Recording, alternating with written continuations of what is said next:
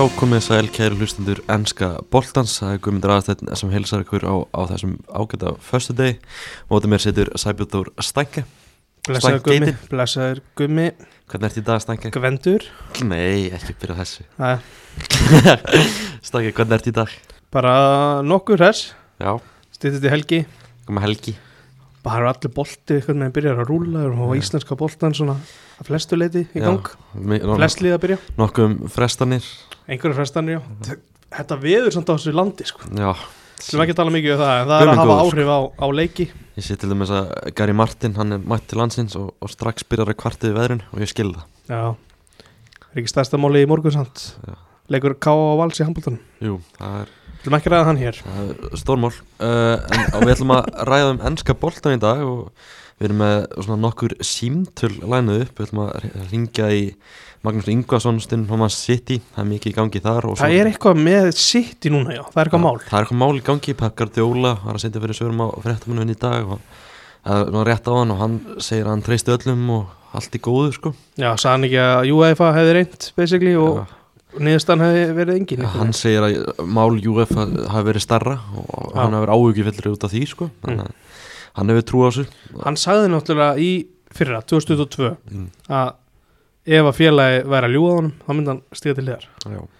þannig að þú veist ef að liða liði færi einhverja refsingu þá vantilega, er, er hann þá að fara að stiga til liðar eða? Já, ég veit ekki, það var áhört að sjá sko, það var til dæmis í morgun orðið Paris Saint-Germain hann og Messi muni þá svona byrja aftur að vinna saman sko. Hann er ekkert að vera í PSG sko. Já, það sé það ekki. Það eru áhört að sjá hvað kemur út úr þessu. Við ætlum að heyra í Magga Ingo þess að segja, fá svona hans take á hlutina.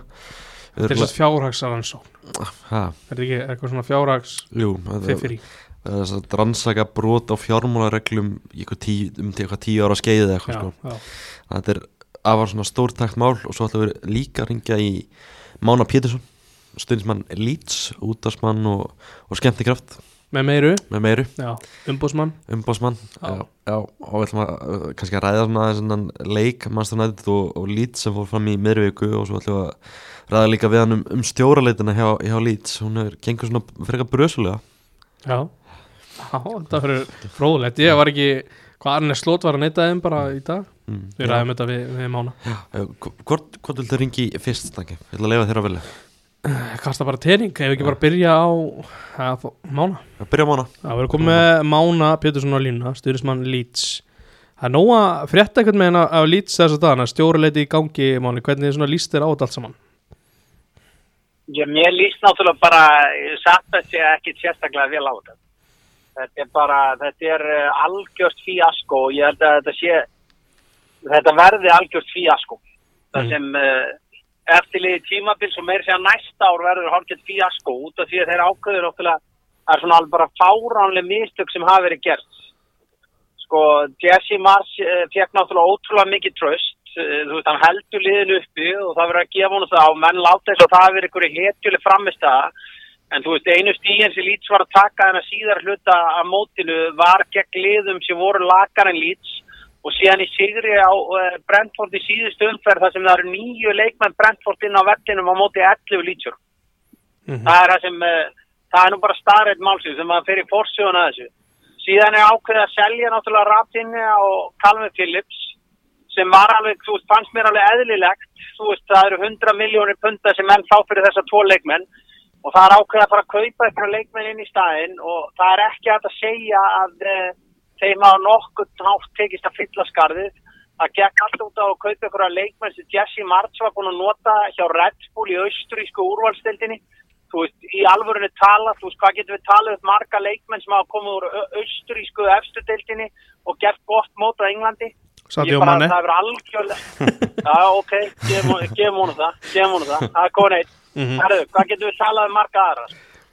Og hérna, Erling Haalandsson í kjölfarið já, en Erling Haaland fór náttúrulega fyrst í Þýskaland sem var Já, já, náttúrulega kannski orðið sko samfærandi stærð þegar hann kemur til Englands Jú, jú, vissulega en þú veist, þá er ég ekki að tala um sko leikmenn sem er að koma beintan út sko. hann Mhm. tekur Brendan Arason sem er ekki, ekki sko landi hans og ekki sérstaklega góður Mhm. hann tekur Tyler Adams sem er að mörguleita alveg fýtt leikmaður og stendur sér alveg mjög vel en hann er samt alveg sko leveli fyrir neðan Calvin Phillips og því sem Calvin Phillips var að skila til yðsins síðan er tekin hérna nýr leikmaður hérna varnamaður núna og þá er nú kannski eftir að koma í ljós hversu mikið hann getur og hann er líka tekin á austurísku deltinni og það er alltaf teknið leikmenn sem Jesse Mart segir sko að skilji, they understand the system that we're playing. Og hérna, og, og, þetta er alltaf pælingin sko. Og sama tíma þú veist þá er Klitsch látin fara sem var pólsku landslýsmaður Lori Ent sko sem var spænsku landslýsmaður og dettur á landsliðinu. Hann er settur á varamannabekkin og því hann er sko ekki talið vera nógu góður, þetta er samt gæi sem hefur haldið sko oftast hreinu með lítsi eftirdeldinni og langt bestur að spila bóltanum og vörninni. Og því að hann var náttúrulega komin í það að hann fyrir að losa BL-samvangin út sko. Jesse Martz og ég, þú það átt náttúrulega bara að leifa sko gæjanum sem séru leikmannum að kaupa. Eini gæin sem búin að standa sig að þessu nýju gæi með Gnotto, Já. þú veist það er eiginlega hægt að segja það. Og hann er eini gæin sem Jesse Martz þekkt ekki þegar hann kom inn. Þegar hann kemur inn til Leeds fyrir fjóru og halva miljón þá talar Jesse Martz, já þetta er rosalega fýtt náungi og sem við hittum hérna og lalala og veit ekki hvaða leikmaður þetta er náttúrulega Já, og lengi að koma Og hann inn í hérna- liðið. og lengi að koma honum inn í lið sko. og málega sko að hérna sko allir og þetta var þetta var Jesse Marshall og það má alveg gefa honum það þú veist, hann var, sko þetta var náttúrulega svolítið stöngin út, þú veist, Lítsardi voru ekkert skelvilega lélegir, sko ósliti litur náttúrulega betur út heldur en hjá Bíalsa á sínu tíma en allur sóknarleikur liðsins hann bara ófrumlegur og þú sást alltaf hvað Bíalsa og hver hugmyndafræði var og hvað var að vera að spá og gera. Mhm. en sko, það, þú sást það aldrei þarna sko. Já, og síðan náttúrulega lenda þær í því núna veist, að það, og það er líka ákveði vandamál að Leeds til dæmis er klúpur sem er stór og Jesse Mart sko segir að stuðningsmenn Leeds sem óraunhafar kröfur og eitthvað svona fokkin væl sko. Að hérna að flest í Leeds er búið að taka átt eða nýju stíð á móti 6-7 staðistu klúbunum í deildinni sko. Mhm. og markatalan þar er bara á pari en þegar það kemur að klúbunum sem eru fyrir neðan og e, e, klúbar sem Leeds á að vera að taka stíð á móti þá gengur bara hræðilega. Sem þýðir það að það er eitthvað að sko hérna í, í, í heilastarsiminu að segja að liðið er bara ekki með einhvern veginn, þeir fóla ekki pressuna að vera að spila fyrir Leeds United, það verður alveg vera ljóst. Já. því að þegar það er ekkert undir og engin pressa þú ert að spila við Chelsea, þú ert að spila við Liverpool þú ert að spila við Manchester og eitthvað að þessu liðum og engin býst við neinu þá nærði góð úslit en þegar þú ert að spila við sko Fulham og þegar þú ert að spila við Brentford og þessi lið þú veist, þá getur ekki rast. Það er því að þú þólir ekki pressuna að spila fyrir klub það er bara akkurat. og ég held til dæmis að vera mjög erfitt að fá stjóra inn sérstaklega út af því að þeir horfa bara á þennan sko leikmannhóp sem Jesse March er allir búin að ná í. Og segjum það kemur stjórin sem áttur hann á að halda liður þá er það fyrsta sem hann áttur að gera er að skipta út le öllu leikmannunum sem voru þessi sérstaklega Jesse leik hann áttur að skipta þeim út. Þetta er bara sem gerist í fótbolta allstaðar sem þýðir það að lýtsarnir er að fara að fá bara minna fyrir leikmennina sína og er að fara bara í eitthvað jó-jó balans og síðan veit ég ekki bara að það hefur ekki sínt sig og sanna sig fyrir mér að þessi kanna sko væðing sem er alveg sko markastlega alveg góð hugum sko.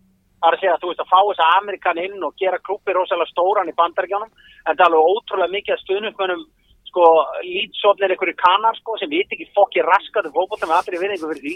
Að hérna að þetta sko, sko ef liðið fellur þá er þessi hugmynd bara algjört fíasko og, og það er búið að eyða sko lýtsærður er búið að eyða óhemju mikið í leikmenn það er nú bara mál og ég er ekkit vissum að það sé sko að þeir séu bara í ákveðnum vandræði með sko gáðulega þegar gerðu væri að hringja í að Bíelsa og beða bara um að klára þetta hvernig þessi fyrir því að hann á eftir að fá stuðning stuðningsmannuna með sér.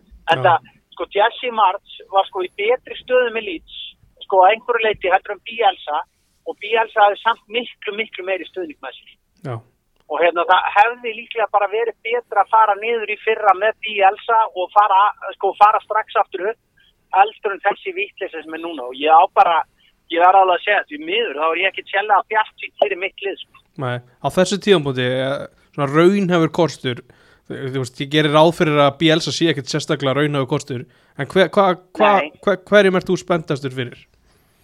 ég, það er það sem málið er sko. Þú veist, ég var spennt þessu fyrir orðin Gorban alltaf sko, Vestbróðins albjörðsjálfanum mér fannst það eiginlega að vera svona bara það sem meikaði langt Mhm. mest sens sko, að taka hann sko síðan er sko aðri stjórar það sem er svona nefndir hérna til sögunar uh, sko er frá Spáni eða Hollandi það er engin aðeins sem ég er eitthvað bara já þessi gæri er að fara að gýra okkur upp sko. sko. Sean Dice fannst mér vera ömurleg hugmynd frá upphæði til enda sko þegar hann var nefndur hann á sínu tíma þegar Jesse March var, hérna með klubbin en sko ég held að þeir þurfi sko eitthvað svona hérna uh, þeir þurfi eitthvað svona motivator þú veist það þarf eitthvað sko sem getur gýrað á upp og hérna og laga vartanleikin, hann hefur verið frábært kostu bara í sex mánuði en hann er ekki neitt maður til að taka klúb lengra en bara vera í einhverjum barda sko. Og ég held í raun og veru að þessi lítjarnir þurfa núna og því að lítjarnir með miklu, miklu meiri gæði fram á við heldur sko, þú, ég ætla að segja bara blákast að líts fram á við er klúpur sem er svona topp 7 með, þegar það kemur að gæðunum fram á við Mhm. að hérna að ég held sko að hérna að það verði, það þarf að laga varnarleikin alveg gríðalega mikil og það þarf eitthvað gæja sem getur komið inn og þjættan leik, hver það er, ég myndi helst vilja sko, mér finnst hann hérna Nuno, veit ekki Nuno hérna gæðin, já, sko hann er svona þú veist það sem ég myndi segja núna að ég var í spenntastu fyrir að kætt já að Núna hérna, út af því að hann myndi geta laga þennan hluta leiksi sjá lýts og, og fram á því þá það alltaf að geta skora mörg þannig að sko hérna fyrir utan náttúrulega það eru ömulegt að missa Rodrigo við meðsli sko og síðan náttúrulega eru komin einhverja átta leikminn á meðslalista núna sko með að það að Jesse March var meira og minna með all liðið heilt og meðan Bielsa var ekki með og Já. þetta er bara bara með allir í virðingu fyrir Jesse March sem virðist vera mjög uh, fýtt náðungi sko, þá virðist þetta vera bara eitthvað svona David O'Leary ráðleik sko. Mm. og hún á eftir að hún á eftir að fara í sögubækunar sem bara eitthvað fíasko Já, ring, en hérna ringengar, þú veist, viðvörunarbjöllur hjá Leeds bara þegar, Róma vill fá leikmann frá þér, og veist, af hverju ertu að losa þann leikmann? það er það sem málið er það, það er, eh, það, það, ætti náttúrulega að hringja viðvörunarbjöllur á því sko, síðan kannski segir ímislegt sko, veist að missa Pólverðan Klitsch til dæmis var algjört rugg frá upphæði til enda sko. Hann var svolítið miklu betri leikmaður endur Brendan Arason búin að spila miklu betri fyrir liðu og með attitút líka Mm. en það sást að leðu að tilkynna Jesse March væri rekin sko, þá líkaði Klitsch þá fast segir okkur kannski að einhverju leiti að sko að- að- að- að Róma-leikmaður svo kallaði sem var frábær leikmaður Mm. að hann var líka ósáttur við hennar sjálfan sko. ég held að þetta sé náttúrulega algjörð skrýp og ég held að þetta sé náttúrulega erfitt fyrir alla þjálfara sko, Pep Guardiola náttúrulega fyrsti maðurinn að segja það sko að það veri erfitt fyrir hann að koma inn og taka klúb eftir Bielsa sko. Mm út af því að hérna, út af því að þar er bara leikfræðin á einhver allt öðru leveli. Og fara síðan í Jesse March sem þykist vera einhver sparkspekingur og vera með einhverja sko, og það vinnur ekki með honum að vera Amerikan veist, það, það, bara, það er bara þannig fordómandir í þessu að það er alveg staðrind en að hann komið að inn á eftir ég held að þetta hafi verið algjörst klúður frá upphæð til enda sko. Veist, Gerard er til dæmis ekki slæmu kostur sko upp á það að gýra liðið upp sko, ef hann fær alvöru aðstofmenn með sér Mhm. að þeir voru sko lýtsarnir byrjar að kalla hann Janker Lampard. Hann hérna hann uh, Jesse March sko, þú veist, og hérna og ég hef ekki séð svona sko þú veist það var alveg eh, sko gríðarlega reyði sko þegar lýtsarnir uh, tapaði þessu nóttika fórsleik þá vissi maður einhvern veginn og maður sá það að bladamennin sem skrifaði um lýts að þeir voru fattin að kalla eftir honum sko að hann, honum er skipt út sko og Akkurat, þetta er eh, og, og það sem málega er að það er mikið undir út af því að sko að Leeds haldi sér upp út San Francisco er með sko kauprætt á Leeds í janúar 2024 sem myndi þá tíða að þeir myndi taka því næsta haust og hérna og ef þeir halda sér ekki uppi þá er alveg spurning hvort að þeir sko horfa á þannig að, að þá kaupa þeir ekki sko Ítalíu hlutan út sko. mm. Þannig að það er alveg ótrúlega mikið undir fyrir lýts að halda sér uppi og það er raun og veru, ég horfa á þetta þannig að fyrstu tvö árin þau væri svona prófstefnin ef leið og lýts væri búin að nása að halda sér uppi í tvö ár þá væri þetta alveg safe bet og lýts er það stór klubur sko Mhm. og þá væri við bara að fara að vera í góðu jafnvægi þarna í sæti sko 6-10 næstu 15-20 árin allavega Mhm. en uh, núna virðist þeim einhvern veginn hafa tekist bara fokka þessu algjörlega sko. Því miður. Já, þetta er ekki gott. En hérna, já, fyrsti, fyrsti leikur eftir, eftir Jesse Mars. Förum í hana þess á móti Manchester United. Hvað hva svona tekur út úr honum? Já, þú veist, ég tek alveg útrónum að þetta var bara vel uppsettur leikur og hann var raun og veru, það var bæði plan A og B sem var eitthvað sem sáum ekki á Jesse March. Hins vegar er alveg ljóst, sko, að þegar þú tekur gæja sem var aðstofmaður á Manchester United og ræður hann inn til Leeds, að það fer illa ganga og Brian Kitt getur verið til vitnisbyrður um það, að þá verður honum kent um þetta. Mm. Og þess vegna mun þessi ráðning aldrei ganga til lengdar. Það er bara alveg gefið mál. og hérna og það er svona sko, það er veru, eins og ég segi, þú veist, það er mjög auðvelt að gýra Leeds United upp, þeir eru að fara að spila við Manchester United, þeir eru að fara að spila við Leeds, er, er Liverpool, þeir eru að fara að spila við eitthvað af þessum topp 6-7 klubum, 6 klubum, 7, það getur kallaðið, að hérna, það er mjög auðvelt að gýra Leeds upp í og því að þeim finnst þeir eiga að vera þarna og stöðningsmennunum finnst þeir eiga að vera þarna, en það er miklu erfiðar að gýra upp í leiki þess að þeir eiga að vinna. Og það er að ég tek nákvæmlega ekki raskat út úr þessu United. það er Jesse Marks farið og unnið Manchester United leikin, Mm. þá hefði það fyllt samt fyrir mér algjörlega að maðurinn væri vanhæður. Já, Út af því að, að lýtsmenn aldrei halda sér upp á góðum úslutu gegn bestu liðum. Mm. Það þarf að vinna klúbbana sem eru lélegri og þetta gerði alveg, þú veist, transportstjóri gegnum tíðina með lýts, þeir gerðu þetta vel, þeir voru miklu betri enn lélegri liðum. já, En það er bara ekki þannig núna. Árangur Leeds hefur bara, það er jafntefli gegn Southampton, það er jafntefli gegn veist, þetta er bara fokki lél. mhm Horfur líka í þetta varandi svona framistu einstakra leikmanna eins og þú nefndir Vöper á hann hann var virkilega góður í þessu leik Hann var virkilega góður í þessu leik og hann hefur byrjað mjög vel. Brendan Arason byrjaði líka mjög vel og þegar þú kemur Mhm. til mig, þú keiptur úr austurísku úrvasteildinni og þá heldur þú náttúrulega að þú sért frábæra leikmaður sko og þú kemur út úr gýraður inn í þetta og fullu sjálfströst. Síðan hann bara fyrir að koma í ljós þegar lengra líður. Þetta eru 38 leiki. Hversu góður þú ert í raun og veru. Mhm. Það er svona sko, þú skulum aldrei að tella ykkur trúu það að hann sé betri en Lorient. Nei, Það er bara þvæla. Veist, það er bara þvæla. En Og hérna- já, Þannig að ég veit að þessi einhverju stuðnismenn lýts vilja halda því fram út eða hann átti náttúrulega nokkra leiki sem voru ekki sérstaklega góðir sko. mm, Þegar menn fara bara að skoða sko, tölfræðina þá var hann með miklu betri tölfræði en hann. sko. En hann leit mjög vel út í þessu leik. En að samaskapið það er engin, eini leikmaður sem sko, var Rodrigo sem sko, við getum sagt að Jesse March hafi gert einhverju leiti betri en ég held að hann hafi gert hann betri. Hann átti líka svona rönn með Bielsa. Þannig að sko, það var engin leikmaður að taka framförum og ég held að lítið sé að fara að blæða fyrir þessa þvælu að hafa farið að leifa kananum að ráða því hvernig þetta er eitthvað knaspituklúb á England. sko.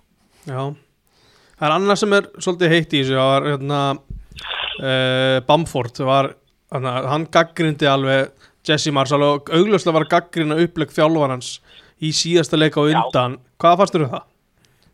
Mér fannst það bara, sko, málega, ég, ég held að það hafi verið bara ákveðinleiti nöðsvilt. Ég held sko, Bamford er þannig að þú séð viðtölu við Bamford, þá talar hann einhvern veginn alltaf bara svona mjög eðlilega og frá hjartan, sko. Hann er mjög einlægur í öllu viðtölu, sko, og hérna, og ég held að sko, einhverju leiti þá hann ekki að ætla að meina þetta svona, en hann hafi gert það samt, en ég held að þetta hafi samtilega verið nöðsvilt, sko. Ég bara, svo ég segja alveg svo þegar, þú veist, og við sjáum það í raun og veru kjölfarið þegar leikmenn sem voru að spila vel undir Bielsa og náðu sko stígum og spiluðu hvað best þegar lýtsarðin voru að ná góðum árangri í þessari úrvastild á fyrsta ári að þegar þeir eru byrjað að læka færslur um það að þessi stjórið sé rekin þá kannski segi það ímislegt um það að þetta var bara ekki sko að þetta var komið endast. Og kannski var bara Bamford bara ákveðið bara Herru, ég tek þetta bara annir, sko. Þú sér það, þú veist, hann er búin að setja Eiling, sko, á bekkin lengi vel. Eiling var líka frábær í svo leik Mm -hmm. hann er búin að setja bara eiling á bekki fyrir Rasmus Kristjánsson sko, sem sko var bara langt frá því að vera bara hefur ekki enda á allavega sínt okkur að hann hafi verið nógu góður á úrvastælda level, því miður ekki enda sko. Akkurat. Er eitthvað annar fyrir Og- utan Eiling sem hefur verið að spila oflítið? Já, sko, ég, ég, svona, ég mani fljótu bræði sem ég finnst að vera búin að spila lítið, sko, þú veist, það eru náttúrulega þessir ungu pjakkar, þú veist, uh, Gelart, þú veist, sko, þessi kjallliðinu raun og veru uppi í fyrra, það er búið að lána hann núna, sko, Mhm. mann fannst alveg að hann hefði átt að fá meiri tíma, sérstaklega frekar að Brendan Aronsson, sko, sem gæti ekki bókið raskat bara, þú veist, þetta voru þrýr leikir og séðan var hann alltaf að láta sér detta í grasið og lýtsarðin hafa rosa lítinn, sko, húmor fyrir því að þú veist, það er að fiska aukaspund, sko. Þeim, eh, þeim finnst það bara ekki fyndið, þú veist, það er bara ekki anda lýts, þú veist, þar ertu bara, viltu fá attitút og það er það kannski það sem Tyler Adams hefur komið með, sko. Og síðan ertu með sko báðir þessi miðjumenn sem eru komið þessir, þessi kanar sem eru núna að keira miðjuna sko, þeir eru rosa fínir að pressa boltan, bara alveg svo Calvin Phillips var sko, en þeir eru gjörsanlega skelvilegir að skila honum frá sér miða við hann, Mhm. þannig að þú veist þetta er einhvern veginn sko hérna, já ég segi segi sko þetta er hérna, e, þetta virðist bara ekki að verið eh, vel hug, úthugsað og hérna og þeir letu Jesse Martz fá of mikil völd í því að kaupa leikmennin í liði sko. Og hérna og kannski út af því að Bielsa var með fullkomar allræðisvald í því að kaupa leikmenn. Þar ef hann sagði neyði leikmann og hann sagði neyði leikmannum í janúar klukkarum í fyrra sem þeir náttúrulega voru svona svolítið ósátti við sko það meðan hann að sprenda Arason hann var ekkert eitthvað að missa sér yfir þessu sko Mm. að hérna og það virðist náttúrulega bara vera út af því að honum er ekki fundið sér leikmenn vera nógu góður Já, helstu í, í Þannig- eina sekundu að Bielsa myndi taka við Evertón Nei, ég held það ekki eina mínútu. sko. Ég bara, það, það, var alveg, það var alveg gefið mál og hann var aldrei að fara að gera það og það kom mér raun og verið ekki óvart að hann skilti að hafa sagt að, að, hérna, að uh, hann vildi taka við yngre 21 ársliðinu til þess að byrja að byggja upp lið. Sko. Því, ja, það kom mér ekkert á óvart. Sko. Ég, ég er svona eða þeirra skoðinu. Sko. Ég held að tóttinam fari í hann uh, í haust. Það er að sé held sko. Já, Og hérna út af því að tóttinam er alveg lið sem henda honum sko. En ég, það kom mér 0% á óvart, að- það hefði kom mér verulega óvart þegar sagt já við Everton.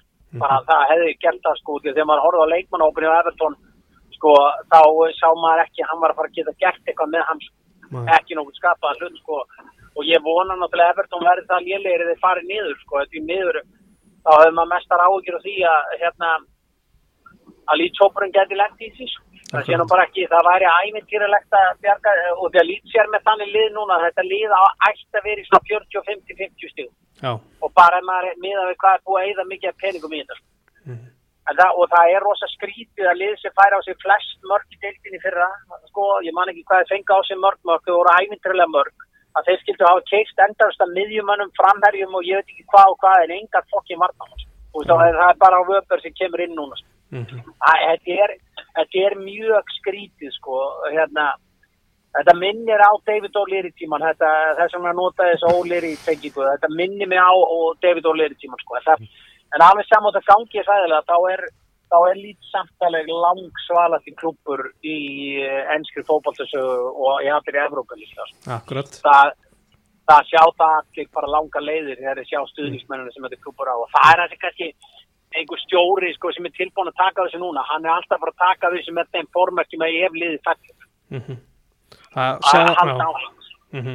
og það sjá það virðist allir ekki vera neinn Máli, máli, það sjá það allir sem að vilja sjá það, orðan það þannig Já, það, þú veist, og málið sko, að, að það hérna, ég hef alveg, sko, og ég held til mér, þeir eru aldrei að fá stjóra þeir vild, það er nei. er kannski vandamál. Akkurat, Þeir eru alltaf að fara í, sko, þeir eru alltaf að fara í skúffuna fyrir neðan, sko. já, Það er það sem er sorglegast í sko. já, já Þannig að þetta er alveg bara, já, þetta er, uh, þetta er skýta, já, annars hefur eigandi staðið sér frábælega, en Já, já. þetta er, uh, þetta er skýta. Þetta er skíta. Förum aðeins í hitlið sem að spilaði jú hennar leik á, á miðvikudaginn Hvað fannst þér um Manchester United og finnst þér bara um staðin sem að félagið er á í dag? Manchester United, þú veist, þeir eru bara, finnst mér vera á góðum stað. Og, og, sko, Ten Hag hefur ekki fengið að kaupa mikið ennþá, þú veist, miða við fyrir, jú, jú, hann búin að eyða börta peningum í fáa leikmenn, Mm. en maður sér alveg, sko, sko, að leikmenn undir hans stjórn er að verða betri. Svo það er náttúrulega þessi stóra málið er, sko, þeir eru að verða betri. Og ég held náttúrulega, sko, uh, sko, hann mun aldrei falla á sama prófunu tvísvar eins og mér lít. Það eina sem hjálpa lít í næsta leik verður náttúrulega bara heimavöllurinn og það, það er ekki eðlileg stemning sko, þegar Manchester United uh, mætir á völlinu. Mér finnst Ten Hag verið að gera bara virkilega góða hluti með uh, Manchester. Það bara, uh, ég held að séu samt ekkit sko að fara inn eitt contender leik með þess að krútlegt en menn halda það. Það er ekki nema að fá okkur svakalega eigandi inn sem verður tilbúin að eigða fullt af peningum og í svona grunnstóðir klúpsins í þær við að allar vera á niðurleik Mm en hérna en sko en, eh, og, og, og bara Manchester City sko er það langt á undan Arsenal komið kannski lengra með sinn leik og síðan bæturu sko Newcastle inn í þetta mjög fljótlega því að þú uh, þannig að þetta verður alveg erfitt veist, Manchester United eh, nær meistaradeildasæti en það verður ekki mikið meira það sko. Þeir vinna kannski deildabekkarinn en Já, þetta er ekkit sko og þetta verður bara, þú veist, það er lítið sem breytir því, þú veist, þetta er alltaf sami skítaklúpurinn þú veist. Þannig að það er ekkit sem mun hjálpa Manchester United með það. Nei, akkurat. Var einhver leikmaður sem að heitlaði meir en annar á, á miðvikudaginn? með, það, þú veist, bara Gnotto var langbæsti leikmaðurinn á þessum veist, þetta er náttúrulega bara að borga fjóra og halva miljón fyrir einhvern 19 ára galan ítala. Sko, þú veist uh, ég fyrir ekki eins og fjóra og halva heldur við að borga 3,8 það var náttúrulega svakalegur í þessum leik. Síðan er náttúrulega málið sko að þú veist að, eh, sko, að Rashford hefur svolítið stíð upp í það að þetta leiðtóa hlutverkan í United fremstu výlið og það er ekki takt annað en að bera virðingu fyrir því sko. Mm. Martínez greið sko, þú veist, hann átt að fá raukt spjaldi í þessu leik Mhm. en hann var samt góður í þessu leik þú veist, það er ekki, maður getur ekki sko, hann barðist og hann var svona, ég held til dæmis að hann veri, sko, sá gæi í United-liðinu sem hefur ekki komið á Elland Rót aftur, sko, ég myndi til dæmis að elska að hafa hann að gæja í Leeds Já. þú veist, það er bara málið, Leeds er þetta myndi að elska sko, ég held að hann sé svona eini gæin, sko verandi eins klikkar og hann er og vera að vera að spila í fyrsta skipti á Elland Rót sem mun þólað að spila En Casemiro, heldur hann geti ekki höndlað Nei, ég held bara alltaf alveg að segja það. Og það er eina sem ég fannst til að leiðilegast að við Casemiro er búin að spila einhverja svona el klassíkó leiki sem Mm. eru bara svona einhverju krút leikir eins og milli breyðabliks og háká og þetta er bara svona eitthvað. Mm. að hérna að þú veist að fara bara, þú bara lest það sem Alex Ferguson og Gary Neville segjum það að fara að spila á Elland Road Mm. veist, að þá sérðalega þú veist, þetta er, þetta er öðru, öðruvísi. Sko, sko, Gary Neville sko, ég var ekki, þetta var Alex Ferguson sem sagði, sko, eða Gary Neville, hann sagði, sko þú upplýður að bara fólk, sko they literally hate you, sko. Þú veist, Já, þetta fólk, sko fyrir þeim er þetta ekki bara fótbollega þau bara hata þið þegar þú kemur á staðin sko. Og Martíni, sko, hann verður alveg sérstaklega hataðar eftir þetta brota á Bamford Mm. en sko, og mun alveg fá mikið baul. Munurinn er á honum til þess heldur og öðrum, er ég held að hann mun alltaf sko þóla hann mun alltaf þóla og ef leikur er hleypst ekki upp í slagsmál því Alex Ferguson sagði alltaf það það sko, voru tvær reglur, þau voru að spila við Leeds. Það voru fyrsta lega að leifa þeim ekki að skora fyrsta markið og ekki byrja að slást við þá. Það væri bara regla nummer 1 og 2 sko, út af því að ef þú gerir það þá byrja stuðnismennin þeirra að trúa þeir geti unni leikinn. Mm. Og, hérna, og það verður með spurning hvort að Ten Hag sko ræði ekki þetta við Ferguson uh, hvernig á að gera gera í dæmið. Ég, ég er sko erfitt með að sjá það að Ten Hag falli tvísvar á sama prófinu gegn lít sko og þegar þú veist, einhverju leitið, veist, þetta voru alveg sangjarn úslit, en maður hugsa samt alveg djöfisins kröf að skal bara klára einhverjan helvítist leik og þegar það hefði getað gefið stuðnismönnum lítið eitt Mm. en ég vona að þetta verði jafnleikur það er allavega bara það sem ég vona sko. Já, þetta það væri alveg típ Já, þetta verður hörku skemmtilegt leikurinn á sunnudaginn það, það var alveg típist að Leeds myndi vinna sko. Já, það var, og ég held sko ef Leeds vinnur hann leik þá eiga það ekkert eftir að fara að leita að stjórum nei. Og því að ef þeir vinna leikinn þá verða allir stuðnismennandi bara herru let's go sko. En ef þeir tapa þessu leik og takið eftir því sko og þið getið fylgst með á samfélagsmenninu ef þeir tapa þessu leik þá er eftir að kenna þessum fyrrum aðstofstjórum Manchester United um það. Mm. alveg sama hvað. Því bara ef þú hefur ein, er einhvern tímann sko Leeds var eins og með leikmann í láni frá Manchester United og þeir bauluð á hann alltaf þegar hann fekk þú veist hann var samt að spila fyrir sko. Það er og- rosalegt.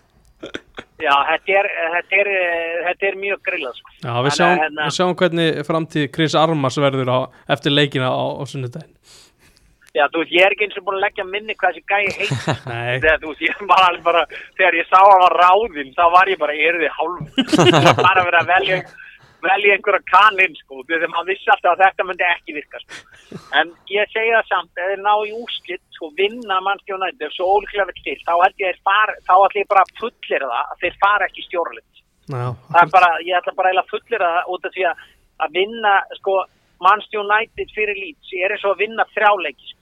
Já, ég einhvern veginn held með þessu, held með honum og, og Airpodsunum hans Já, þú, þér finnst þetta að vera alveg skemmtilegt enn. Já, ég reyndar null húmor fyrir þessu en þetta er svona eins og það er Já, þetta er bara eins og þetta er, en ég, ég vona, ég held að voni all, eh, bara allir nema stuðnismenn sku, sku, skumsana að, að þeir vinni hennar leik, þetta lýtsarni vinni hennar leik, sko. Rétt Ég er hættur um að það gerist ekki. Ég ætla líka að lofa einu hérna og ég hef búin að segja þetta við eldri svon prumpur minn sem getur verið eitthvað arsenal maður, sko, að þú veist, eini leikur sem ég get reikna með þremsti um örugt, það verður þegar lýts eðilegur arsenal partíð, sko. Já, mér líst vel að Það er það, ég get eða bara, það hefur, eh, sagan, það hefur gerst í tvígang og ég held að það gerist í þriðaskipti, það verður mjög óvænt úrslitað á Emirates þegar Leeds vinnur Arsenal. Þannig að Við býðum að sjá ég, ég við býðum og sjáum. Já, Bara geggja að heyri ég mánu og, og áfram lýts, fyrir þá sem haldur með áfram lýts Mér ég vil að bara allir áfram lít Ég vil halda með alvöru klúbu, ekki svona einhverjum hamburgerklúbum Þá haldi ég með lít Akkurat. Takk fyrir manni Takk fyrir. Þetta Það áfæð Já, þetta var eh, Máni Pétursson. Alltaf, alltaf mjög hress Máni, Hann vantar ekkert upp á það. Hann, hann er ekkert litaður stuðnismæður lýts alls ekki. Eh, og núna að heyra í, í Magnús Ingvarssoni stundismanni mann City eh, það er náttúrulega mikið máli gangi þar akkurat núna og einhver er kannski með áhyggjur og, og svo leis bara svona kanna, kanna stöðun á því og svo kannski eftir það ætlum við aðeins að tala um mannstæðandet Leeds og svo leiki helgarna sem framöndan eru Þá erum við komið með Magnús Ingvarsson, stuðnismann mann City á, á línuna, blessaða Magnús. Já, komið sælir. Uh, við erum svona að ringi þið til þess að svona bara kanna stöðuna hjá mann City, það er náttúrulega þetta mál sem allir á að tala um og það eru ákerðir af ennsku úrvastelni, bara svona hvernig blasir þetta við, við þér? Já, í fyrsta, í fyrsta lagi er þetta náttúrulega ekkert sérstaklega jákvægt, en í öðru lagi telur félagið að, að það hef ekki brotið neina reglur og, og ég vil trúa því. Uh, það var fyrir nokkrum árum þetta Júfa dæmi þegar að, hérna, þegar að, að mann seti sitt í var sakað um að brjóta uh, reglur európsku eða hérna mestardeldarinn úr það og þá svo kom það bara í ljós að þeir voru síknaðir og einhverja greiðslur sem áttu að fara fram fór aldrei fram og það var hægt að sanna það og staðfyrsta þannig að það var svona bara fyrrað upp einhvern veginn og, og ég vona að verði eins með þetta. Mm -hmm. Þú veist, þú, last þetta fyrst, komur þetta óvart að þetta var að gerast?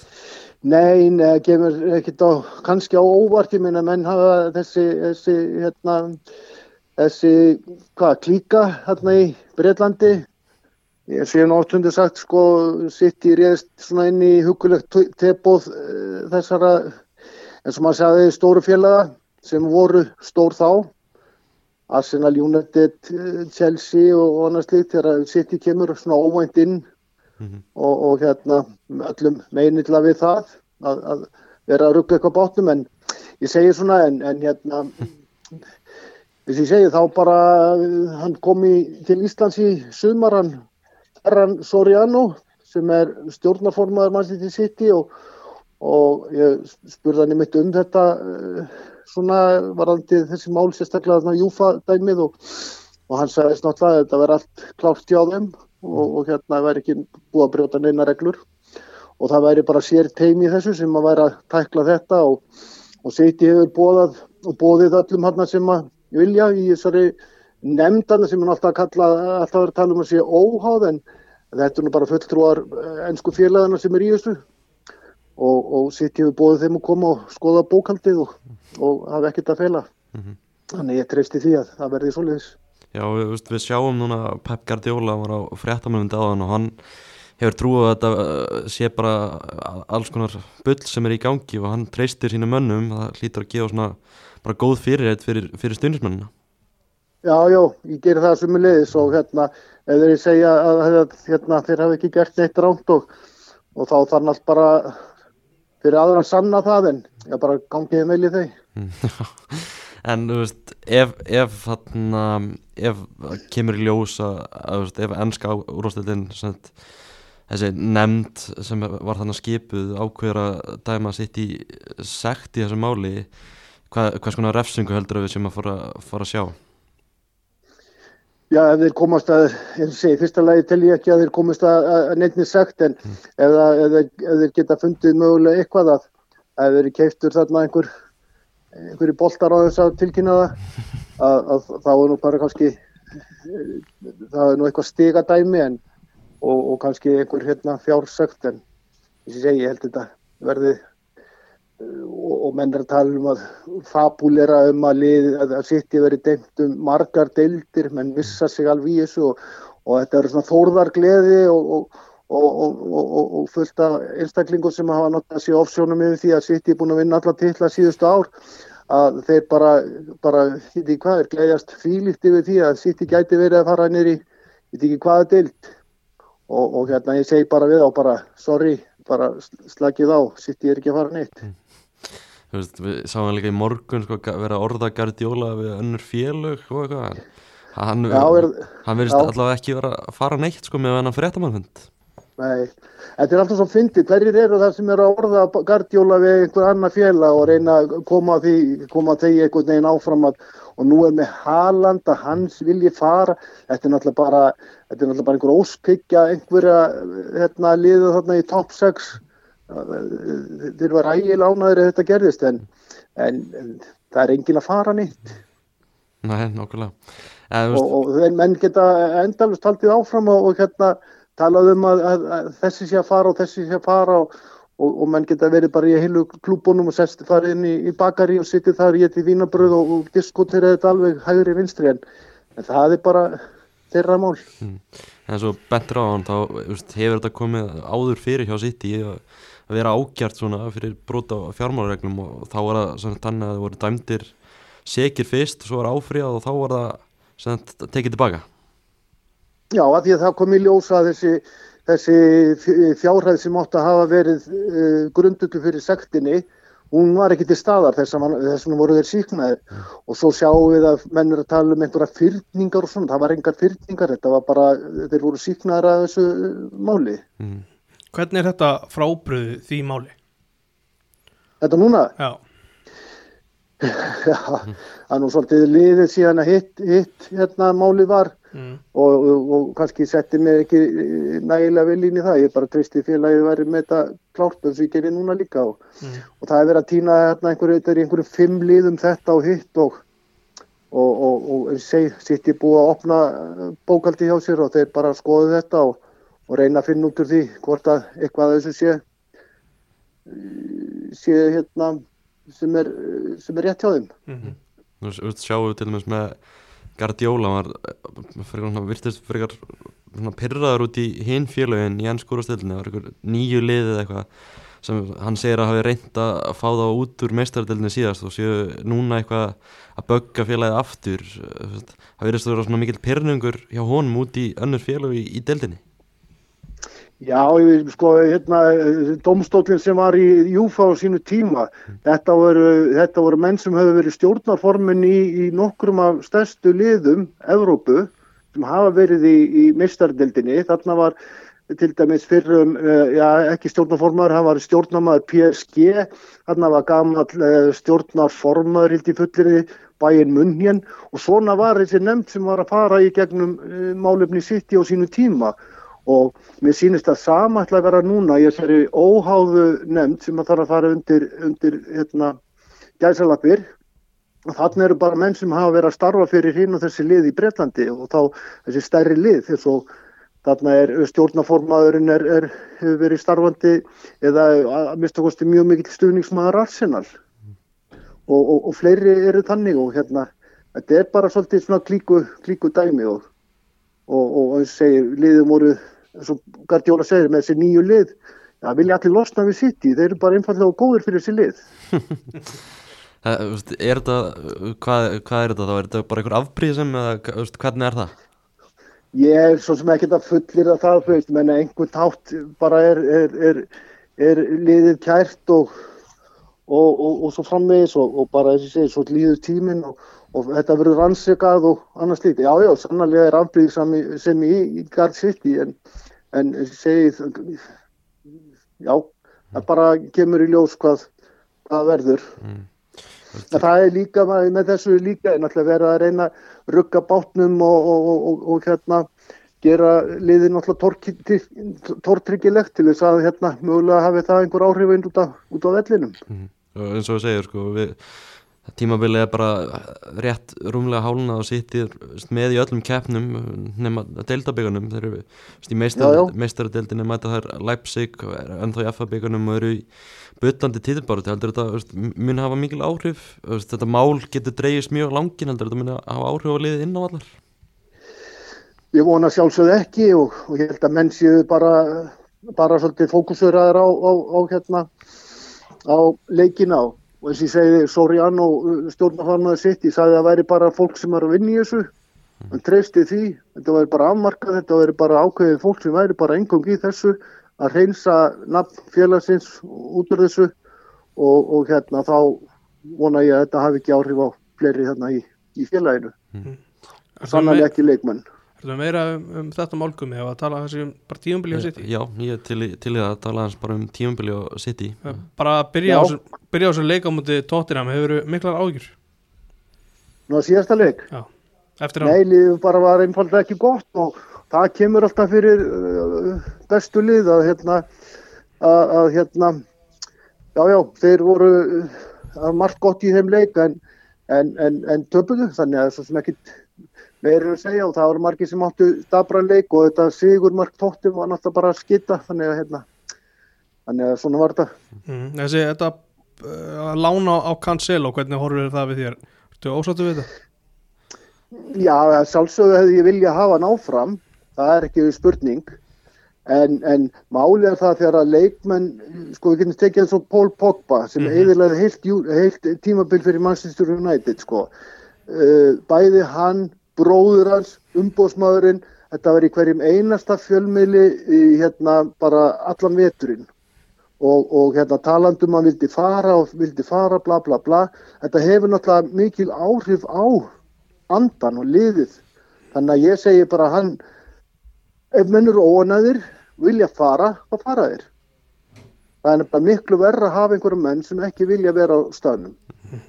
Þú veist, við hefum séð núna, þú veist, að Cancelo svona datt út úr liðinu og er núna farin þá er Rico Lewis, strákur úr akademinu fann að fá fleiri tækifæri ertu, ertu ánægð með það? Já, hann er náttúrulega bara 18 ára gutti og eins og maður segir, en, en ótrúlega þroskaður við þegar aldur, en hann, er, hann, á, hann á svona eitt og annað eftir að læra, en hann, hann, hann, hann er sannlega mjög efnilegur, alveg gríðarlega efnilegur. Og eins með Cancelo minna, ef þú kemst ekki í lið einhverja leiki þá er ekki rétt að leiðin að fara í fílu, þá bara leggur meir á þig og, og kemur þér inn í liðið aftur. Ég sé, þú veist, Guardiola er mikið svona að hrópla í liðinu sinu, þú veist, með Jack Grealish byrja síðasta leik og hefur svona verið að koma meira og meira inn í liði, hann dýrast, dýrasti leikmaður í sögu félagsins, hvernig svona Já, já. horfir hans framesta við þér? Ég er mjög hrifin að, að Jack Grealish í þegar hann var Aston Villa og hann svona bera ákveðin, hann er svona ákveðin, hérna, ég er sérstakur fótboltamaður. Og ekki, ekki, bara, ekki bara fyrir það að vera með sokkanafninur og öklum en, en hérna, en bara hvernig hann, hann er með hraða, hann er með hraða breytingar, hann getur leikið á menn og, og hérna, já, já, hann átti svona erfitt með að bæða uh, leggja upp og eða skora hjá City til að byrja með en hann er nú komið sterkar inn núna og, og, og tímambili núna í ár hefur verið talsvert betra heldur en í fyrra. Mm, það er svolítið mikið verið að sparka í hann. Já, var, hann er nú búin að eiga metið í, í hvað mörg ár, það var náttúrulega mikið sparkaðurinn í Aston Villa, hann hefur alltaf verið á toppnum yfir þá leikmenn sem að, hérna, eru mest brotið á Mm -hmm. og, og hérna, já, Já, og, og kannski svona leikmaður sem hefur allir svona frekar miklu vombrið um þessu tímbili, Calvin Phillips, hann er ekki búin að ná að heilla menn þannig. nei, nei, hann, eða sko, maður veit ekki alveg hvað hann getur, þegar hann er eiginlega ekkert að spila Mhm. og hann fær einhverja reyndar bara mínútur og, og ég trefti því að hann fá að spila jafn mikið eins og hann á skilið Mhm. og, og greinlega er það ekki alveg nóg þannig að hérna hann þarf að koma sér í betra stand. Annarkvort, ég, ég veit ekki hvort það var ofaukið þarna á sínum tíma að tala um að var í feitur en, en, en, en hann var hörku flottur í Európa-keppninu fyrir hvað, teimur árum. Mhm. og maður þá vona það á treysti því að hann, hann náðu sínum styrk hann er, hann er ekki svo gamall. Veistu, þú veist, maður horfur á byrjunlega til þess í leiknum á Tottenham og hann byrjar með Akanji og Ake sem yfir og Ruben Díaz og Amerik Laporte er á bekknum svona, svona, svona kannski hlutlaus aðdandið heimleik þá finnst manni kannski skrítið að hinni tveir sé ekki að byrja hvað svona, finnst þér um það? Já, já, ég er mjög sérstaklega hrifin af, af Díaz sem er náttúrulega bara frábær varnamaður og, og, og sjálfsögðu vil ég hafa hann alltaf Mm. ég, er ég að gleyma einhverju, var ekki til bruni á bekknu líka, byrjaði hann ekki út af hann var líka á bekknum já. Já.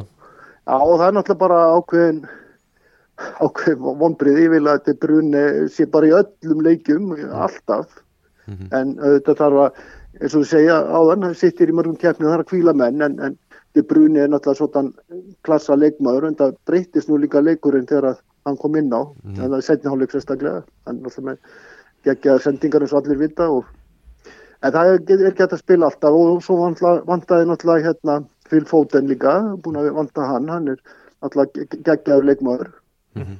Á dögurum þá fór Guardiola í, í viðtala sem að var svona smá uppgjafar tótníunum, sagði að að deildin og deildabækarnir skipti ekki máli þá var liðið náttúrulega úr leiki í deildabækarnum hvernig tókst þú þessum sem stundismæður sitt í?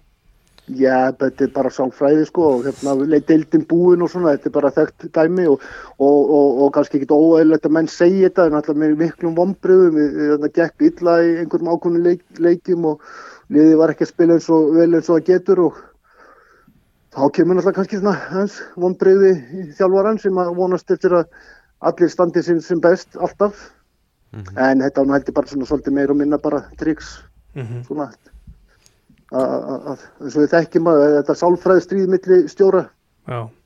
og svo náttúrulega bara þetta þegar að spila við næsta lið og á eftir þá talaðu eitthvað vel um einhver besta leikmann í því liðu getur hugsaður að kaupa og þetta er bara til að ruggla svolítið og -hmm. aðeins að þetta gera tilrun eða svona einhverja rannsók hvernig þeir leikminn standa sig ekkur til þeim leik sem að er talað um að ætta að kaupa þá til einhverja liða mm -hmm.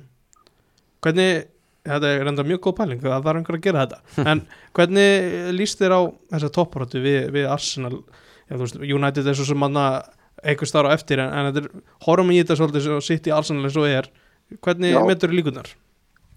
Já, Arsenal er núna með náttúrulega 5 stiga fórustu, geta hörð upp í 8 mm -hmm. við sjáum það náttúrulega samt sem áður að Arsenal spila efsta lið að spila við neðsta liðið fyrir bara viku síðan og tapar. Þannig að það er nú bjútið svolítið við ennsku knaspinduna og, og, og hérna þegar að City tappaði fyrir Brentford á heimavelli þarna síðasta leiknum fyrir HM þú veist maður bara, maður bara já, átti ekki til orðu og bara ótrúlega fúll en, en svona er þetta nú bara.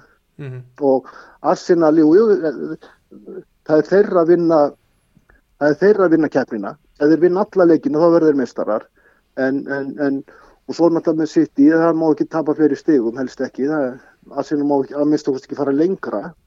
Svo nú eftir bara hvað viku, eftir viku þekki þá er Arsenal City og svo setna City Arsenal þannig að þeir skipta líka, líka máli. Ef Arsenal vinnur þá leiki þá, er, þá eru þeir mega kannski skilaður að mistarar mm -hmm. Hafa ekki svona síðustu tíum svolítið, svolítið kent, kent bara öllum að City gæti alveg farið út tíðanbili án þess að tapa í dildinni Það sem eftir er? Já.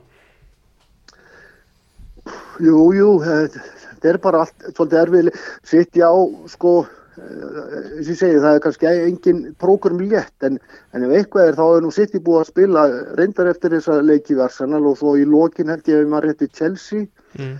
en öðru leiti er, er svona í búið að spila út í völlum gegn þessum liðum svolítið Tottenham hérna og United og, og, og hérna.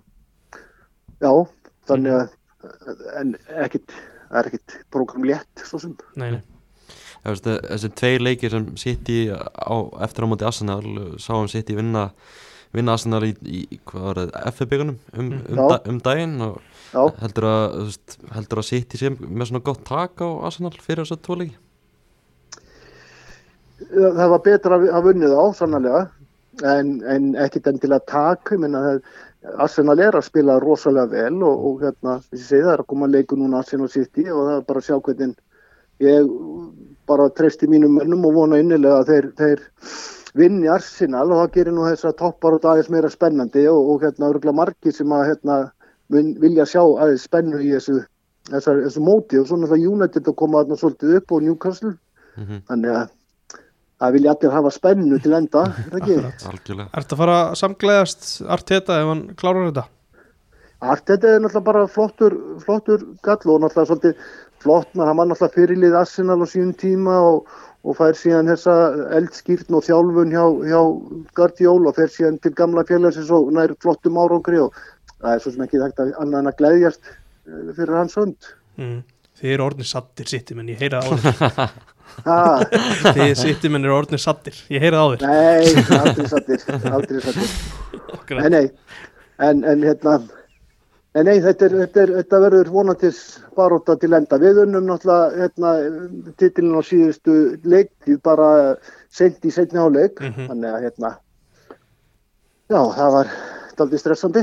Já, við sjáum hvað setur á þessu tíðum Ertu með eitthvað meira gummi? Ég er heldur bara góður sko Bara takk hella fyrir að taka, taka spjalli Magnús og, Já, og áfram, áfram sitt fyrir þá sem að heyra það já, já, hefur, takk fyrir þetta strákar, alltaf gaman að tala um Man City City. Já, Yes, gaman að heyri þér, bye Ok, takk sem já. Já, þetta var Magnús Ingvarsson, uh, einn af stuðnarsmennum mann City hérna á Íslandi. Uh, þeir eru ekki kannski mjög margir, en það er, það er gaman að. Já, þú veist, hann virtist ekki hafa neinar áhugir af þessu Nei, hann var bara rólegur. hann. Já, er, er það ekki samt bara svona rökrétt Þú veist, af hverju ættu þetta núna að, þú veist, lenda hjá ákjörðu aðalega en ekki þegar Júfa gerir þetta Ég held að það sé nefnilega svolítið að róa á sko, þetta júfamál sko. Mm. Það er svona, fyrst þeir voru ekki segir þar, að, veist, fyrst þeir náðu áfrí að koma, koma því í gegn þar, þá held ég að þeir geta alveg verið nokkuð rólegið núna sko. Það fyrir slítur samt ekki úrstældin að vera með eitthvað annað Ég veit ekki sko, þetta er alltaf svona afar flókið mál og Já, erfitt að, erfitt að lesa í það sko. já, ég er ekki búin að fara yfir öll málskögni við Nei. sko ég las að um daginn að þetta geti tekið svona bísna langa tíma þannig að maður er ekki svona á vona að komi nýjast að í þetta strax sko. Já, þeir eiga líka efni á góðum lögfræðingum. Já, maður las að um daginn sko, lögfræðingun er að verði bara með svipir laun og gefandi bróinu þessi máli. Já, þar með er ég ekki að segja þú veist, að gefi skýna þeir séu sig það er augljóst þeir bara auðvitað eru þeir með bara sitt besta teimi í sko. Já, þetta er sami lögfræðingur og var hjá Boris Johnson í einhvern máli. Já, já, hann er reynslu þessu hann hefur reynslu ég held að, ég held að mér hafi sagt það um daginn að hann hafi ekki tapað máli á sínu ferli þannig að ég held að Sýtti menn, eins og Magnús var, geti bara verið rólegir í þessu máli sko. þó, þetta sé stórt mál sko. Það ættu að vera stressaður einmitt bara yfir spilamennskunni eins og hún er akkur núna. Þetta var ekki gott á hundi Þetta var alls ekki gott mútið Tottenham. Uh, þeir eru að setja á leikamöndi Aston Villa á sundan, ég held að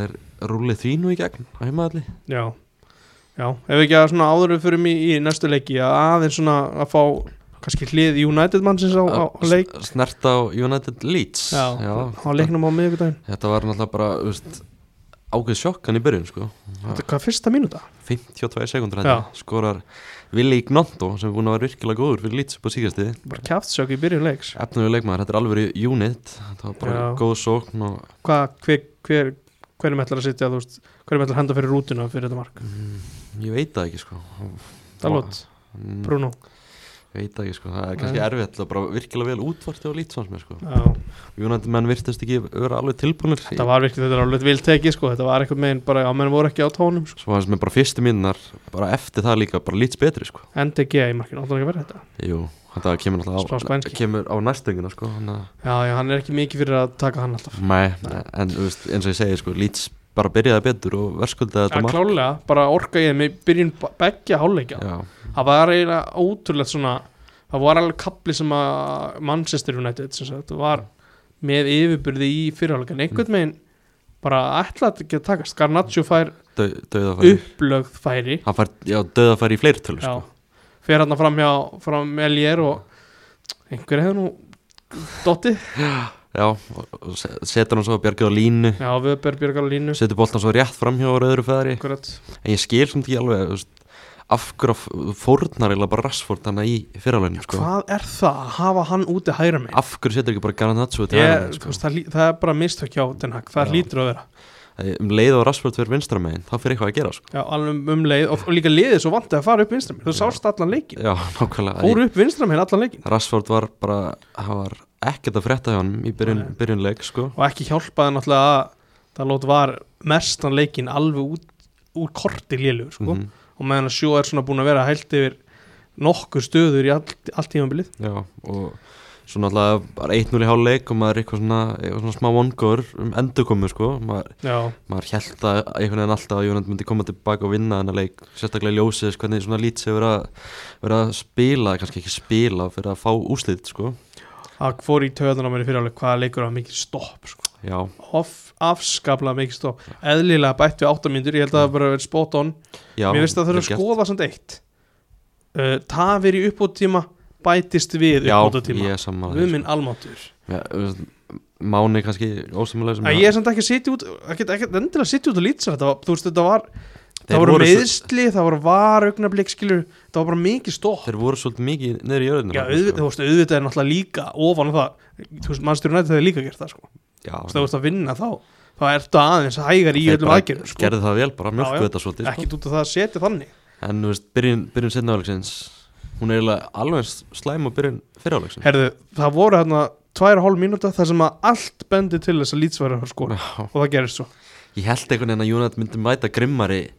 Var að veist, horfa á þetta bara í, erlendri lýsingu. Mm.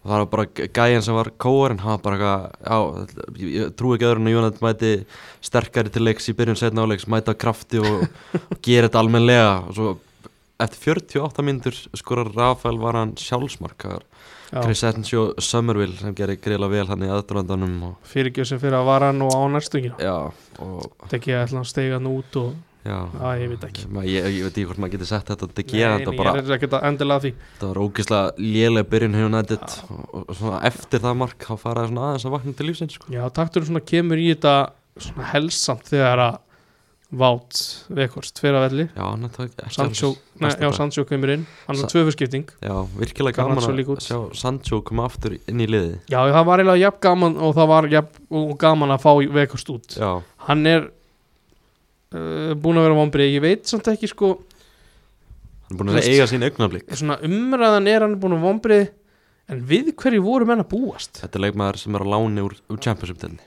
Já, hann kæmist ekki í lið Það ég held að það sé bara nokkuð ekki svona On, sko. allavega með að hvernig börnlegar spila í dag leikstíl og annað sko, þá fer hann ekki í liði hjá þeim sko. Nei, ég veist, maður skilur að hann var tekin inn en það er ástandið var einhvern veginn verra en ég held að það hefði verið af því að Hann hann þarf að spila alla leiki. hann er að byrja alla leiki og spila alla leiki. Ég, þú veist hann var engu takti við þennan leik engu. Marcial alltaf mittu sko. Já, já, að- Martial er svona Já, hann fekk svona endur nýjum lífda á þetta tímabilið átt að fá tækifæri á Tenag hann er bara aldrei heitt já, og og það er aldrei svona að vita hvað er að hann Nei, alltaf sé bara, veist, bara heima á sér í tölvun eitthvað. Nei, þú veist, það er eitthvað, þú veist, nokk á æfingu nokk í leikjum, en það eru menn sem að spila í gegnum meðsli bara allt er, hann er ekki einn af þeim. Þetta er maður svona veit svona, bara því að hvernig maður svona horfir á hann inn á vellinum. Maður svona getur alveg átt að segja á því hvernig hugafari er hjá hann sko. Já, þú veist, já maður er, ma ég held samt að ég er alltaf spenntur þegar hann byrjar, sko, mm, í fílan Já, en þú maður er alveg komin upp í kók, sko. Og maður skilur það að United að selja næsta sumar ég veit bara ekki hvernig það mun taka sko, eitthvað félag sé tilbúið að taka hann sko. Nei, hann gekk líka svona rosalega vel þegar hann var hjá Sevilla um Já, síst tímabilið hann sé hrættur um að United verði bara fast með hann þá getur samningun að sér rennur út Já, 2024 vildi tóttina vildi fá hann um árið Spurningum að þeir taki hann þegar að í- við heyra- Kane. Já, heyri í þeim með hann Ég var reynda miklu til, frekar til í Viktor Osimhen Já, þetta verður örgulega. Verður þetta samt ekki svolítið val bara á milli þeirra? Já, Kane að Osimhen og þá er ég bara sáttur Já. næsta sumar sko uh, Setja sér setna álugur Mm. eftir, eftir Sancho náttúrulega lífilegur allan tíman Sancho breytti svo til leiknum sko. Rashford skoraði, ótrúlega satt og skoraði hann Já, Magni bara bjóst enga við sko. Kemur óvart Geggjaða boltir inn á Dalot og skalli hjá Rásvort gaman að Pelist- sjá það Pelistri með hann að pastu assist kom vel inn í leikin Ma, þú veist, maður vorkendi eiginlega bara Luke Eiling þarna í seinnálegum sko, að þurfa að díla við Jadon Sancho sko. Já, og hann var líka, já, hann var líka áræðin Hann fór alltaf á hann sko. Já, bara, þetta er sá Sancho sem menn vilja sjá sko. En það var eitt sem komur óvart þegar hann skaut. Ég held að myndi aldrei þóra Nei, og myndi gefa hann út.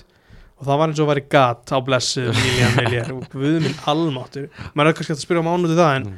þetta var alveg agalegt. Af því að hann var, þú veist, í markinu í leiknum. Mm. þetta, þú veist ef það er einhvern tíma að tala um gat á markmanni þá var það þannig mann fannst það samt þú veist, alltaf þegar eitthvað var að gerast í setnarum þá var það að gerast í gegn, gegnum Sancho sko. já, sammála því.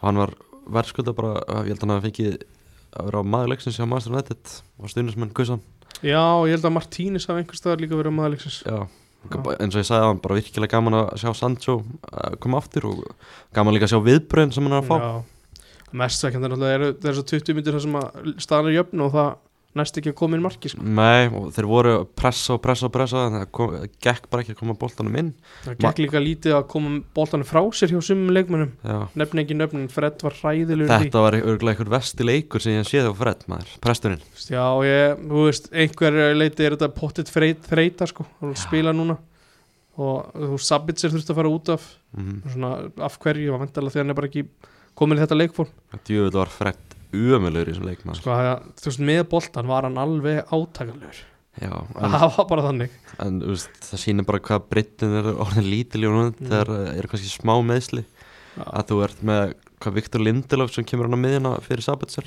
djúpur á miðju, flottur þar Já, þú bara með og svo, sko. gæðinni sem eru ónötaði var með þessum leik eru Antoni Langa, Kobi Mainu mm. sem að kannski vill sjá tækjavarið Mm, Veit- Nei, nei. Er það? ég veit það ekki sko, hann er efnilegur. Já, já. Sitan Iqbal, Harry Maguire og Tom Heaton þetta er En veistu hvað var vestaskiptingin? hvað, Það var Tyrell Malasia fyrir Díkudal og því að hægri bak Það gjössalega hefti hægri vangin já. Því að Fred var svolítið að leita þangað Það voru komið tvö orf Tvö, tvö orf, örfætta Ég er ekki ná að segja þetta. Það er ekki gen. Og þú veist, menn voru taka Þú veist, Pelistri og Malasia voru að taka sömu hlaupin inn fyrir og engin eftir á kantinum. Mm. Það var bara mjög óheppileg skipting. Mér fannst, þú nefnir þar með Malaysia mér fannst hann koma hann var ekkert eðlilega heimskur þegar hann kom inn á. Alltaf negla í En stúku er hann ekki bara vittlus? ég held að sé smá vill, hann kemur alltaf svo peppaður inn á. Já, en svo hann í uppátímanu þegar United þarf að vera svona svolítið gáður en halda boltanum inn á vellinum. Já, í staðan fyrir að, að neglum eitthvað upp í stúku og gefa lýts yngast en það geta tekið Já, ég sammála. 30-40 sekundar inn. Mjög sammála. Hann gerði alltaf þrísvar neglum upp í stúku bara í einhverju vittleysu sko. Það er á fimm myndir í uppáttíma Það dó bara svona hálfri mynd já, það Það- lýts Leikurum var ekkert í gangi sko. boltin var aldrei innan valla sko. Ég skil samt einhvern veginn að það hafi ekki verið bætninu við því að þetta var alltaf bara innkost og eitthvað. Það var bara klauðalegt uh, kannski bara eitthvað meira við svo vilt segja um þennan leik? Nei, bara vonbreið að vinna hann ekki. Mikil. United núna í 20, 22 leikir 43 stig í þriðja sæti dildrannar Mætast aftur á sunnudegi já, Þetta er tveir deildalegir röð, það gerist bara ekki sko. það er eitthvað skrítið sko og En það er, þú veist, drottningin fer ekki á hverju ári nei, Leeds United og Elland Road á sunnudaginn kannski svekkjandi fyrir United að vera án Casemiro áfram þeim leik Já, þið þorðið ekki að áfrýja Miðja- Er það ekki rétt orðalag? Jú. Þorðið ekki? það, það hefði náttúrulega geta verið þannig að ef þeir hefur áfríðað þá hefði geta bæst við bannið sko sem Sem er, er það ekki skrítir það eru fáránlega reglu finnst mér Já. sko það er mjög skrítið og þeir verða án Casemiro í þeim leik líka spurningunni miðan verður McTominay, um, hvernig er, veistu það? Er komið eitthvað með hann? Antoni? Já, Mag, ég vona Antoni að koma tilbaka það skrí, skrítið að segja maður sá í þessum leik að hann gefur svona kannski smá aðra þetta Hann er allavega út á vanginum já, Já. og geta Rashford vinstra megin sko. En hérna, það er eitt annan náttúrulega í þessu United-máli mm. Það er um, þessi, þessi sala á félaginu já, það er eitthvað mikið Núna er eitthvað, er, er ekki ver, svolítið bara átt á milli Radcliffe og Emirsins eða? jú, Emirinn í Katar er hann að vill kaupa United þannig að er eitthvað mál með PSG Kat- stjórnvöld Katar eiga náttúrulega PSG líka Mm. og það er náttúrulega ákveð flækjustig að eiga svona tvö stór félög í Európu sem eru kannski að mætast í mestaröldinu og svo leiðis ég held að sé eitthvað reglu sem banni það sko Já, þannig að, það er ekki eðlilegt jú, þannig að þeir þurfa að sanna einhvern veginn þannig að, En byrjuðu Rad, Radcliffe á líka félag hvað félag á hann? Hann er ekki í Fraklandi Jú, Nýs? Nýs eða eitthvað sko. ég ve veit ekki alveg hvernig það virkar sko. Já. en mér líst allavega betur á Radcliffe sko. Já, þú ert þar. Ég er þar. Já, ég er eitthvað með bara hlutlus í þessu mér finnst það, mér finnst það einhvern veginn ekki heilland að vera í eigu einhverjar ríkistjórnar miðasturlandum Oljupenninga Óljupenningarnir sko. Já, Ég veit það ekki sko. ég, já, einmitt, ég veit ekki heldur. Það eru alltaf, ég held að United sé á þeim stað núna það aldrei verið eins nálægt í félagið að fara í gegnum eignar skipti að, eigandaskipti Já. eftir að Gleisarinn tóku við sko. Já, það það verður fróðilegt að sjá hvernig þið verður. Já, annað félag sem er svona í, eiganda svona skipta ferlum einhverjum er Liverpool.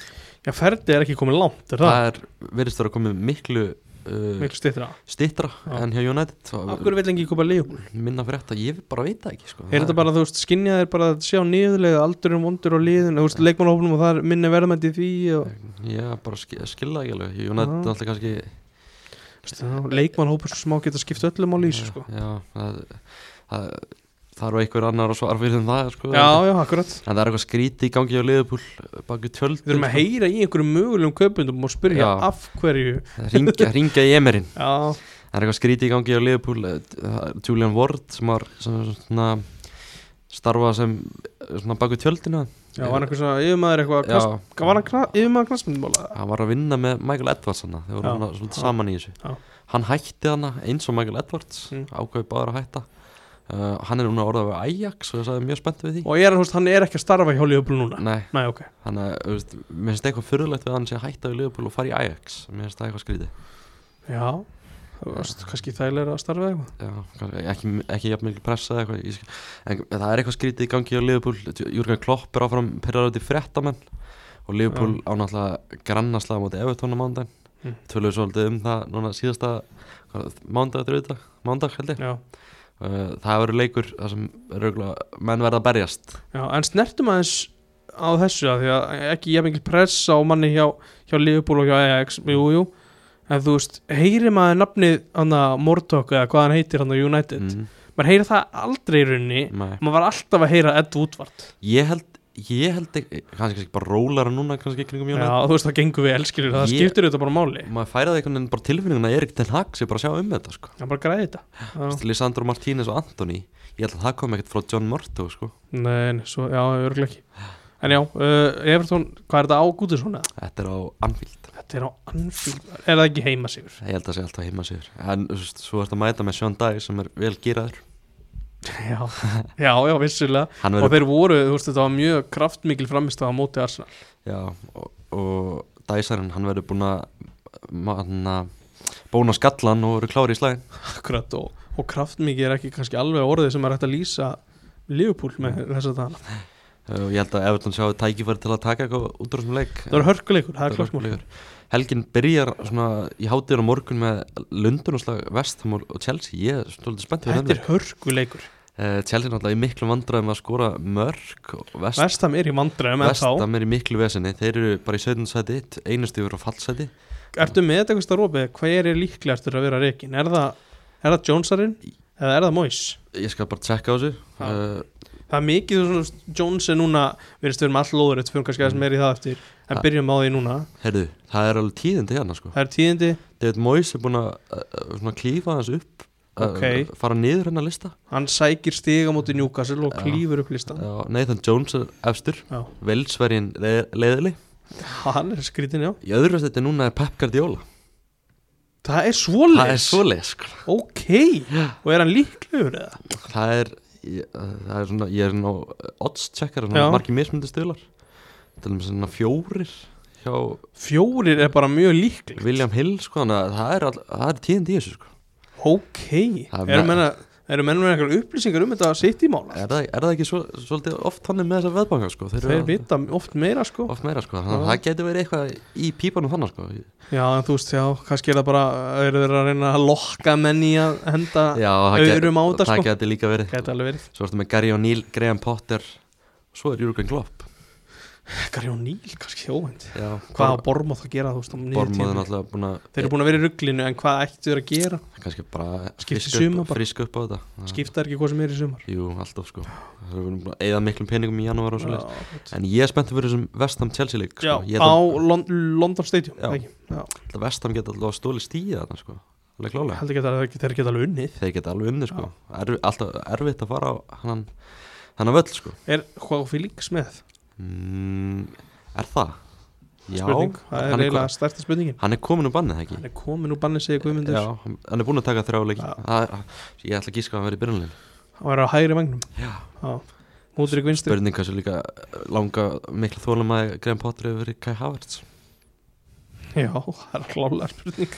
Uh, Arsenal Brentford svo glæðan þrjú uh, verður ég átt að tala um að Felix verður bara fremstur?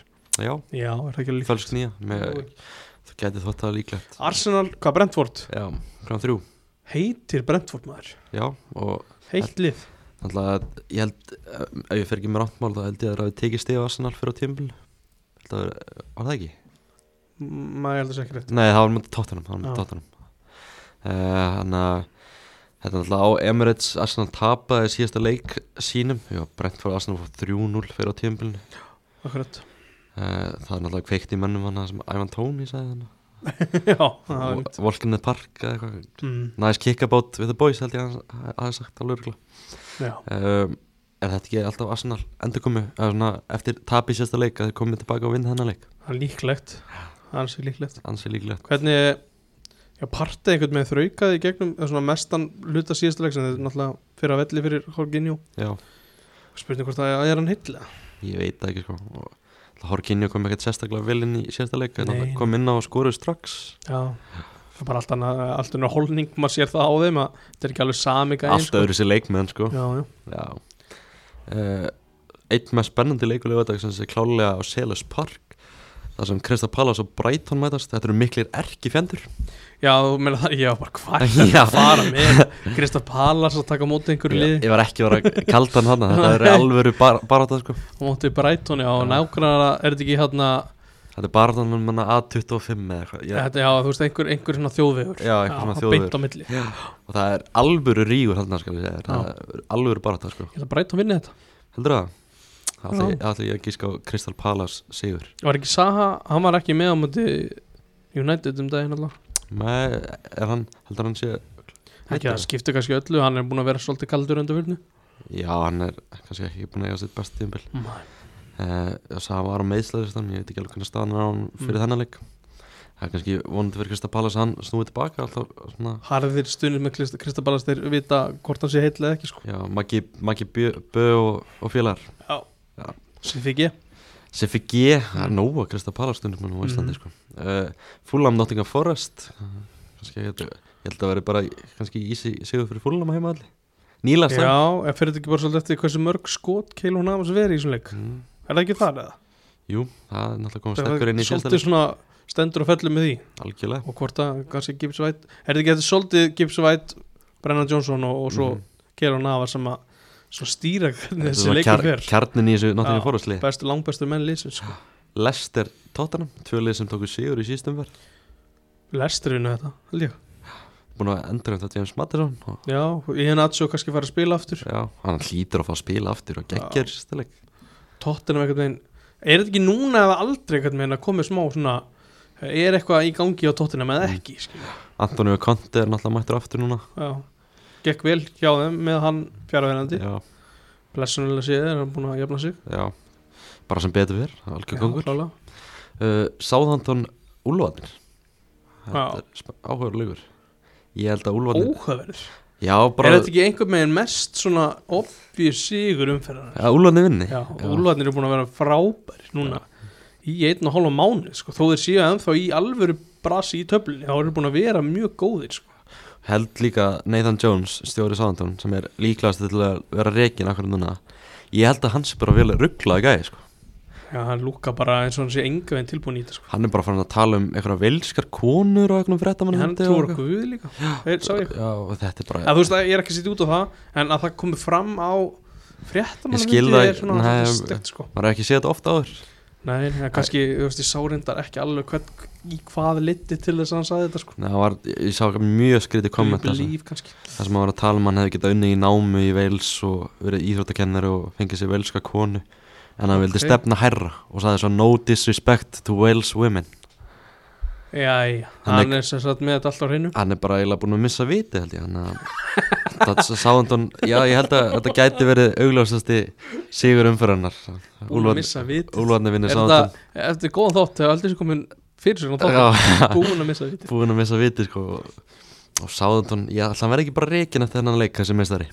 Það er bara alveg fína líkur. Já, Bormóð Núkasúl uh, 1-0 sigur fyrir Núkasúl já, það er ángríns, þetta er 1-0 eða- ef ekki hendi 2-0 2-0, ná Já. slýsa inn öðru marki. Já, þetta verður svona að vera harkin einu Trippi er með eitt assist, er þetta ekki bara mjög lesið? Mjög lesið og Já. svo, vorum við náttúrulega búin að fara hans yfir þess að leikja hann á Heru, það var, eins, var það ekki eitt af óvendast í umfyrinni eða Bormað skorar Jú, þeir eru aldrei að fara að skora. Nei, þú veist, Newcastle, þú veist, jú, vissulega fengu þessi mark í síðustuð fyrr Mm. Þetta er Bormað, sko. Þeir eru Núkasúl líka aldrei að fara að fá þessi marki tveimileikum í röð sko. Ekki sens Einhvern tíma verður eitthvað allt fyrst. Það er allavega kemur mjög óvart. Eða eitthvað svona fleira sem vilt koma að ára Nei, erum við ekki búin að fara yfir það helst í Þetta er búið að vera Þetta er bara skemmtilegt. langur og skemmtileg þáttur. Já. bara vona að þið njótið að hlusta á þetta. Takk gælega fyrir okkur og góða helg